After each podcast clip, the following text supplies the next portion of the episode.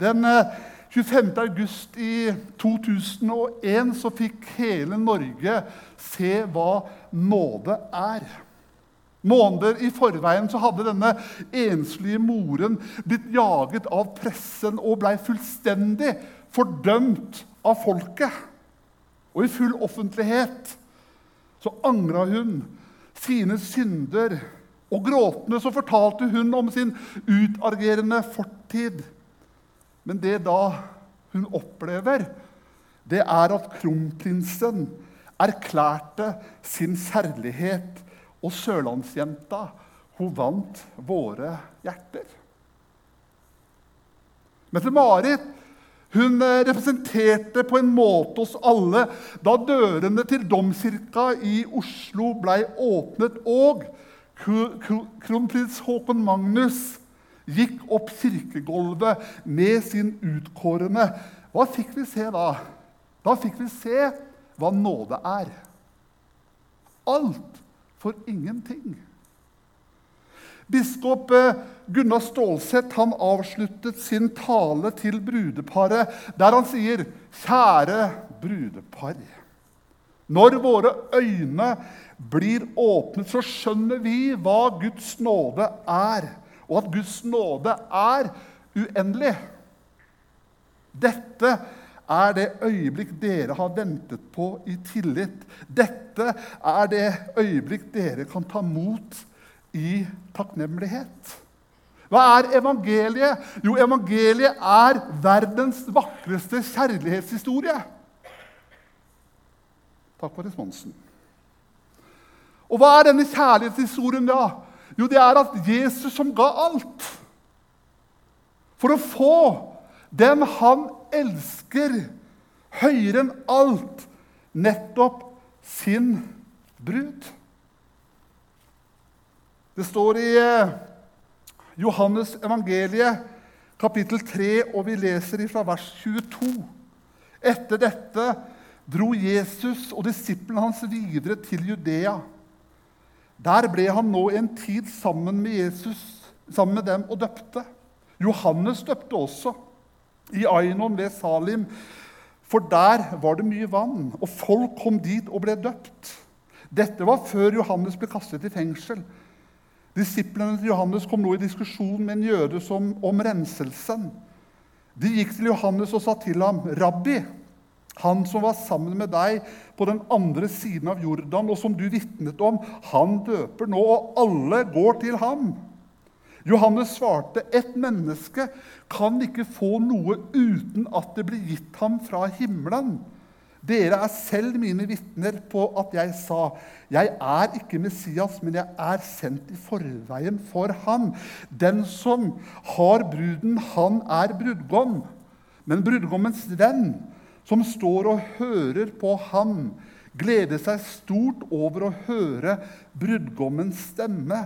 Og denne gleden er nå blitt min helt og fullt. Han skal vokse, og jeg skal avta. Evangeliet, hva er det? Det er som et kjærlighetsbrev. Kristentlivet, det er som et kjærlighetsliv. Fanny Crosby har du sikkert hørt om. Hun eh, opplevde at det er en dame som kommer inn, og så spiller denne dama en melodi på piano. Fanny Crosby som ikke kan se. Så spør denne damen som spiller denne melodien, hva er det du hører nå? Og da begynner hun å skrive på en sang. Sangen som vi synger så uendelig mange ganger. Og det er denne sangen 'Salige visshet'. Jesus er min. Han er min glede, han er min sang. Ham vil jeg prise livsdagen lang. Ham skal jeg evig love hos Gud. Han er min brudgom, og jeg er hans brud. Når vi leser Bibelen, så forteller Bibelen oss om en del forskjellige bryllupsbilder. Jeg har viet mange par opp igjennom tida som pastor. Jeg vet ikke hvor mange jeg har begynt å slutte å telle, for det er såpass mange. Og jeg har på en måte vært så på nært hold på andres lykke. Jeg har på en måte vært vitne til dette møtet mellom brud og brudgom. Og det er fantastisk å se. Og så har jeg også som vigselsmann hatt gleden av å se bruden fra brudgommens side. Det er måneder, det er uker, det er dager med stemning og forventning. Og den utløses når sin brudgom går bruden i møte. Jeg tenker, Dette er jo et av de vakreste øyeblikk i et menneskes liv. Og det er jo alle brudepar hva de ønsker seg. Jo, de ønsker seg jo fine bryllupsbilder. Slik at man kan ta vare på minnene og glede seg over dem. Elin og jeg, vet du hva vi blei? Vi blei kjærester i 1990. Er ikke det fint? Merete spurte hvem er det da, Geir. Så ikke at det var Elin. Jeg vet ikke om dere ser hva som står der. Jeg. Det står at uh, 'Jeg er ikke gift. Er du?' Og da svarer jeg, det sier du sikkert til alle. Men vi ble gift 5. august i 1995. Vi har vært gift i 28 år. Og det har vært fint. Jeg husker jeg ble forelska i Elin. Jeg traff henne på leir. Hun kom fra ikke-kristent hjem. kom på leir, og jeg ble veldig forelska.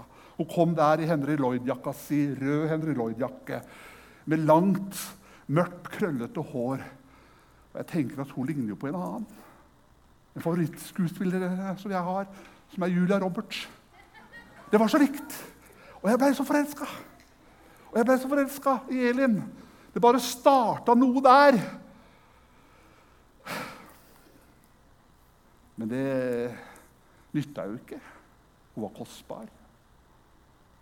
Jeg måtte jobbe. Jeg måtte stå på. Og så sier hun bryllupstalen til meg 5.8.1995. Det som var så fint med deg, Geir, det var at du aldri ga deg. Hun skulle visst hvor mange som sto i kø som ville ha meg. Og det var så fint sagt. Jeg gjorde ikke det. For hun skulle jeg ha. Og jeg gjorde det jeg kunne. Det er et annet bilde.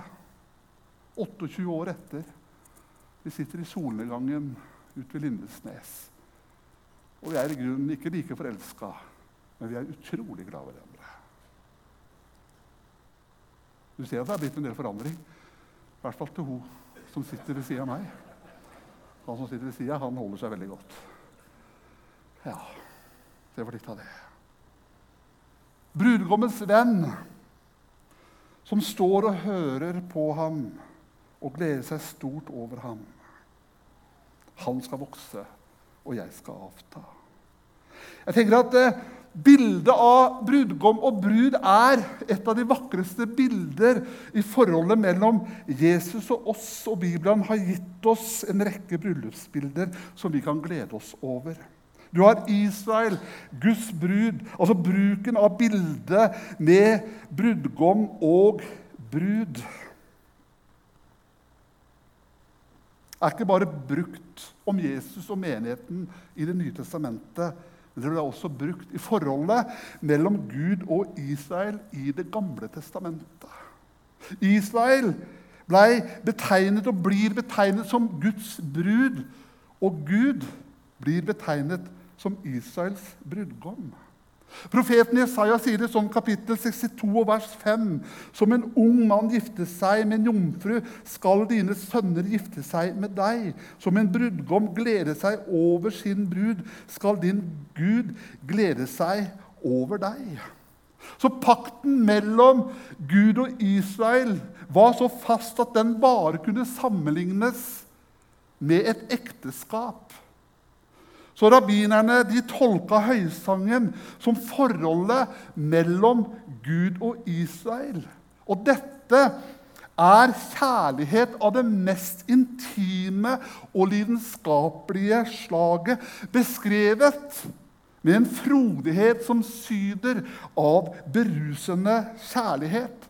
Så når Israel vendte seg til fremmede guder, så var det som at de hadde gjort seg skyldige i utroskap mot ektepakten. Salmisten sier det sånn i Salme 73 og vers 27.: De som holder seg borte fra deg, går til grunne. Du gjør ende på alle som er utro mot deg. Messiastiden, altså en bryllupsfest. Jødene de forventa Messias som deres brudgom. Og med han så skulle bryllupsfesten starte. Da skulle en lovende frelsestid begynne.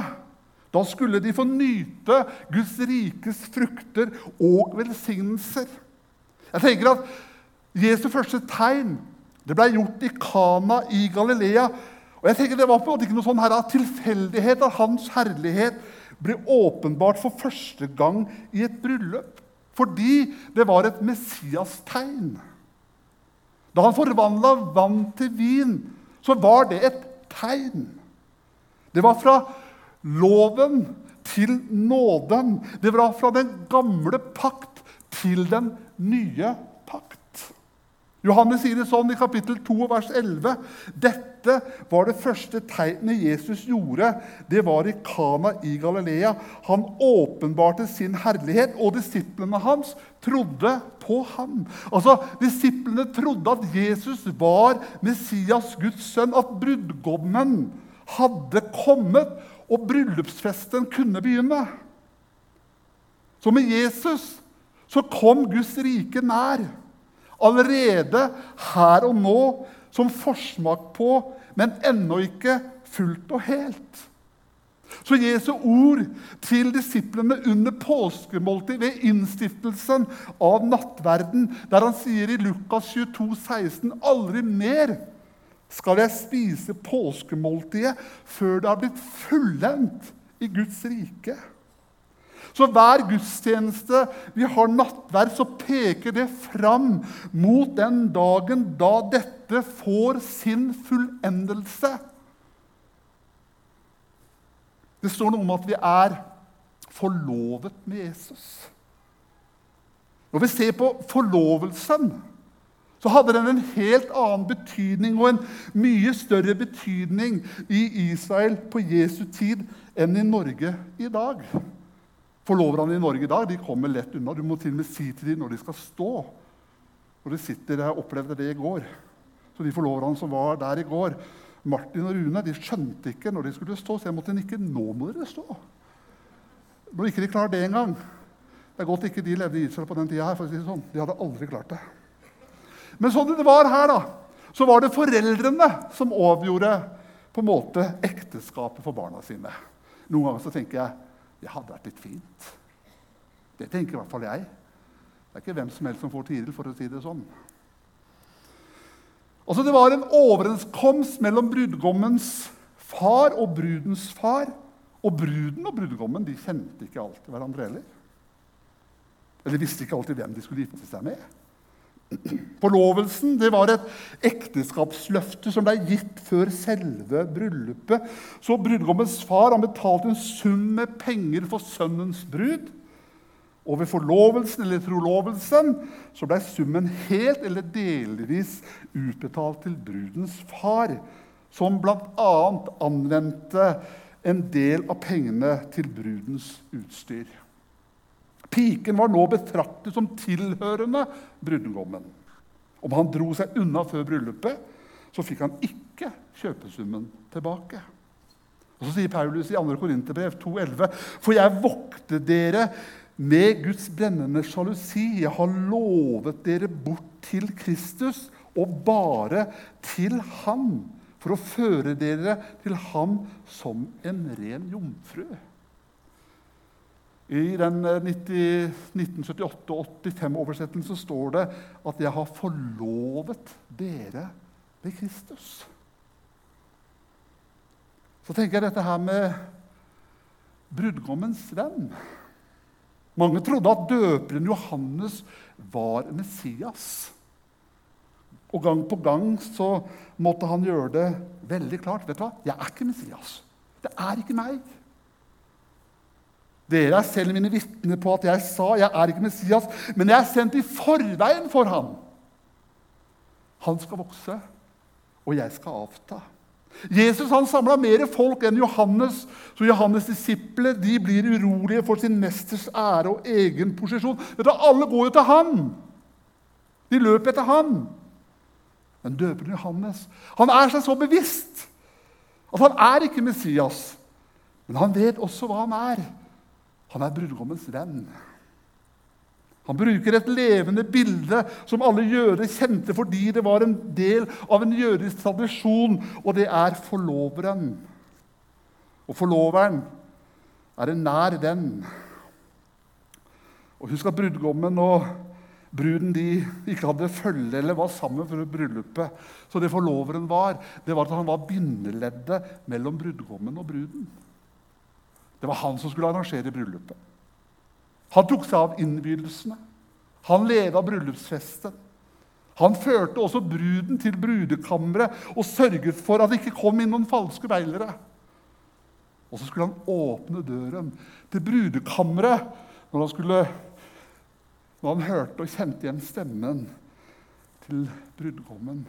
Så skulle han åpne opp og gjøre klart.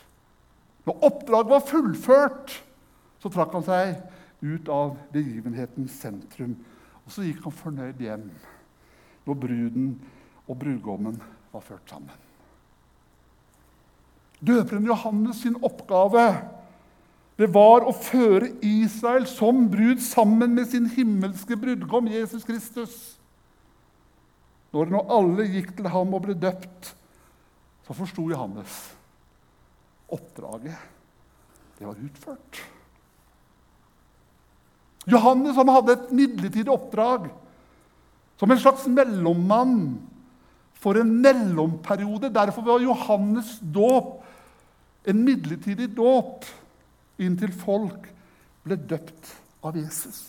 Han skal vokse, og jeg skal avta. Det er ikke misunnelse, men det er en ekte og ydmyk glede.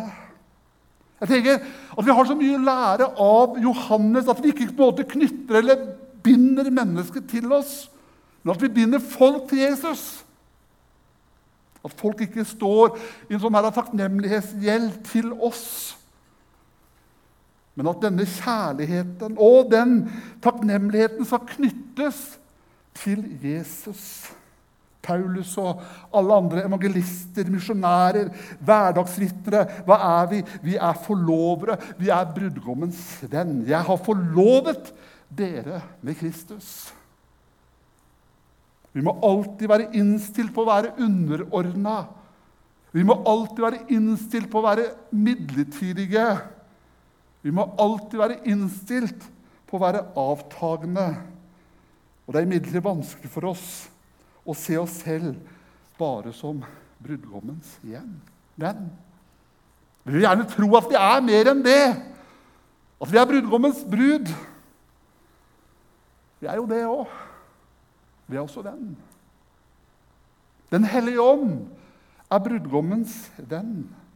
På samme måte som døperen Johannes var en veirydder for Jesus, så var han også en forløper for Den hellige ånd etter pinsedag.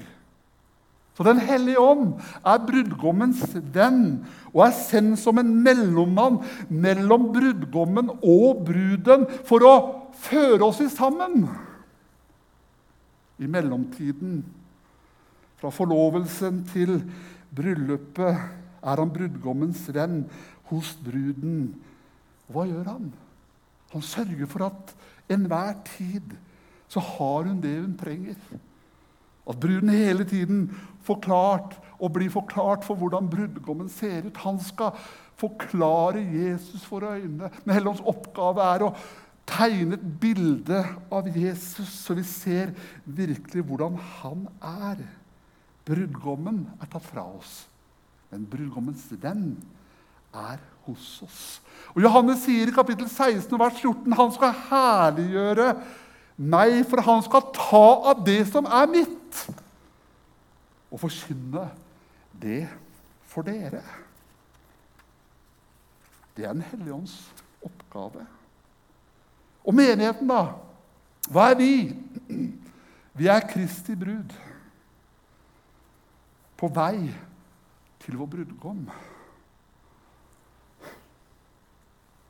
Jeg håper vi er fulle av forventning til møtet med ham vi ikke har sett, men som vi tilhører, og som vi tjener, og som vi elsker av hele vårt hjerte. Når vi ser i et speil, i en gåte, da skal vi se ham ansikt til ansikt. Nå kan brudgommens venn glede seg over å høre brudgommens stemme. Han skal vokse, og jeg skal avta. Biskop Erling Utenem, som hadde vært rektor for, på Pratikum og pre, presteskolen, han sa det sånn at det ligger en usynlig hilsen til forkynneren fra menigheten på alle talerstoler. Og der står det Kjære predikant. Vi vil så gjerne se Jesus. Hilsen menigheten. Kjære predikant. Vi vil så gjerne se Jesus. Hilsen menigheten. Det er en viktig oppgave. Det er en nødvendig oppgave. Og Det fjerde og siste punktet det er at brudgommen, han kommer. Altfor mange kristne, syns jeg, når man tenker på endetidsperspektivet, det er så preget av mørke og frykt. Men vet du hva? Guds menighet og Guds kirke er ikke et begravelsesfølge i sørgeklær på vei til død og undergang. Men Guds menighet er et brudefølge i festklær på vei til bryllup. Halleluja. Vi venter ikke på dommen, vi venter på brudgommen. Så tenker jeg dette her med lammets bryllup. I dette bildet hvor bruden og brudgommen ikke har sett hverandre ansikt til ansikt, så skapes denne forventningen om at vi skal møte den vi har gitt vårt hjerte til. Så Jesus han omtaler sin gjenkom som begynnelsen på bryllupsfeiringa.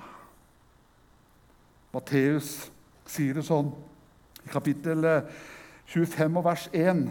Da kan himmelriket sammenlignes med ti brudepiker som tok oljelampene sine og gikk ut for å møte brudgommen. Men ved midnatt så lød det et rop. Brudgommen kommer. Gå og møt ham. Så menighetens bryllupsfest får sin fullendelse i det som omtales som lammets bryllup i himmelen. Og jødene får sin bryllupsfest i det tusenårige fredsriket her på jorda. I åpenbaringsboka der står det om alt og alle som skal komme over jorden, om Antikrist, den falske profet, skjøgen og mye mer, sentreres fokuset og forventningen mot brudgommens komme. Advent det er ankomst. Vi venter ikke at barnet skal bli født. Vi venter ikke på julestemning, men vi venter på brudgommens ankomst. Så la oss eh, glede oss og juble og gi ham æren. For tiden for lammets bryllup er kommet. Hans brud har gjort seg i stand, og hun har fått en drakt av skinnende rent lin. Linet er de hellige, rettferdige gjerninger. Og engelen sier til meg, skriv, salige er de som er innbudt til lammets bryllup. Jeg syns Åge Samuelsen sang 'Du er innbudt til bryllup i himmelen' er veldig fint. Du er innbudt til bryllup i himmelen. Det er du som skal være hans brud. Ja, så riv deg løs fra himmelen. Kom i dag når du hører hans røst. Så Bibelens utrolige kjærlighetshistorie slutter med en begynnelse. Det er bruden som lengter etter brudgommen, og der er jo det verste jeg trodde jeg leste i stad, men der var det. Ånden og bruden sier 'kom', og den som hører det, skal si 'kom'. Og brudgommen lengter etter bruden. Han som vitnet om dette, sier 'ja, jeg kommer snart'. Amen. Kom, Herre Jesus, kom. I 1995 så var det pastoren vår som via meg og Elin. Og Det var pastoren som spurte brudgommen først. Og han står der, og han spør meg. Vil du, tar du Geir Myra, Elin Joso, til din hustru? Hva tror du jeg svarte? Jeg svarte jo ja. Det var første spørsmålet. Så kom andre spørsmålet. Vil du love for Guds åsyn og i disse vitnes nærvær å elske og ære, trøste henne i medgang og motgang, i sykdom og sunnhet, og i alt som til henne dere å være henne en kjærlig og trofast ektemann til døden skiller. Jeg svarte ja. Og så sa pastoren, gi nå hverandre ringene som du skal bære til tegn om løftet om troskap. Gud, vår Far i himmelen, Guds sønn, vil du ha alle syndere i verden som din brud? Og Jesus svarte ja ved å la oss døpe oss. Ja, han svarte ja til det spørsmålet at han ville ta oss imot. Han sa ja til deg, og han sa ja til meg. Vil du leve med Han etter Guds hellige ord? Elske og ære Ham. Bli hos Han i gode og onde dager. Ja. Da kan selv ikke døden skille dere, fordi det vil være ett for alltid. I Jesu navn. Amen. Da får vi en sang av Harald. Vær så god.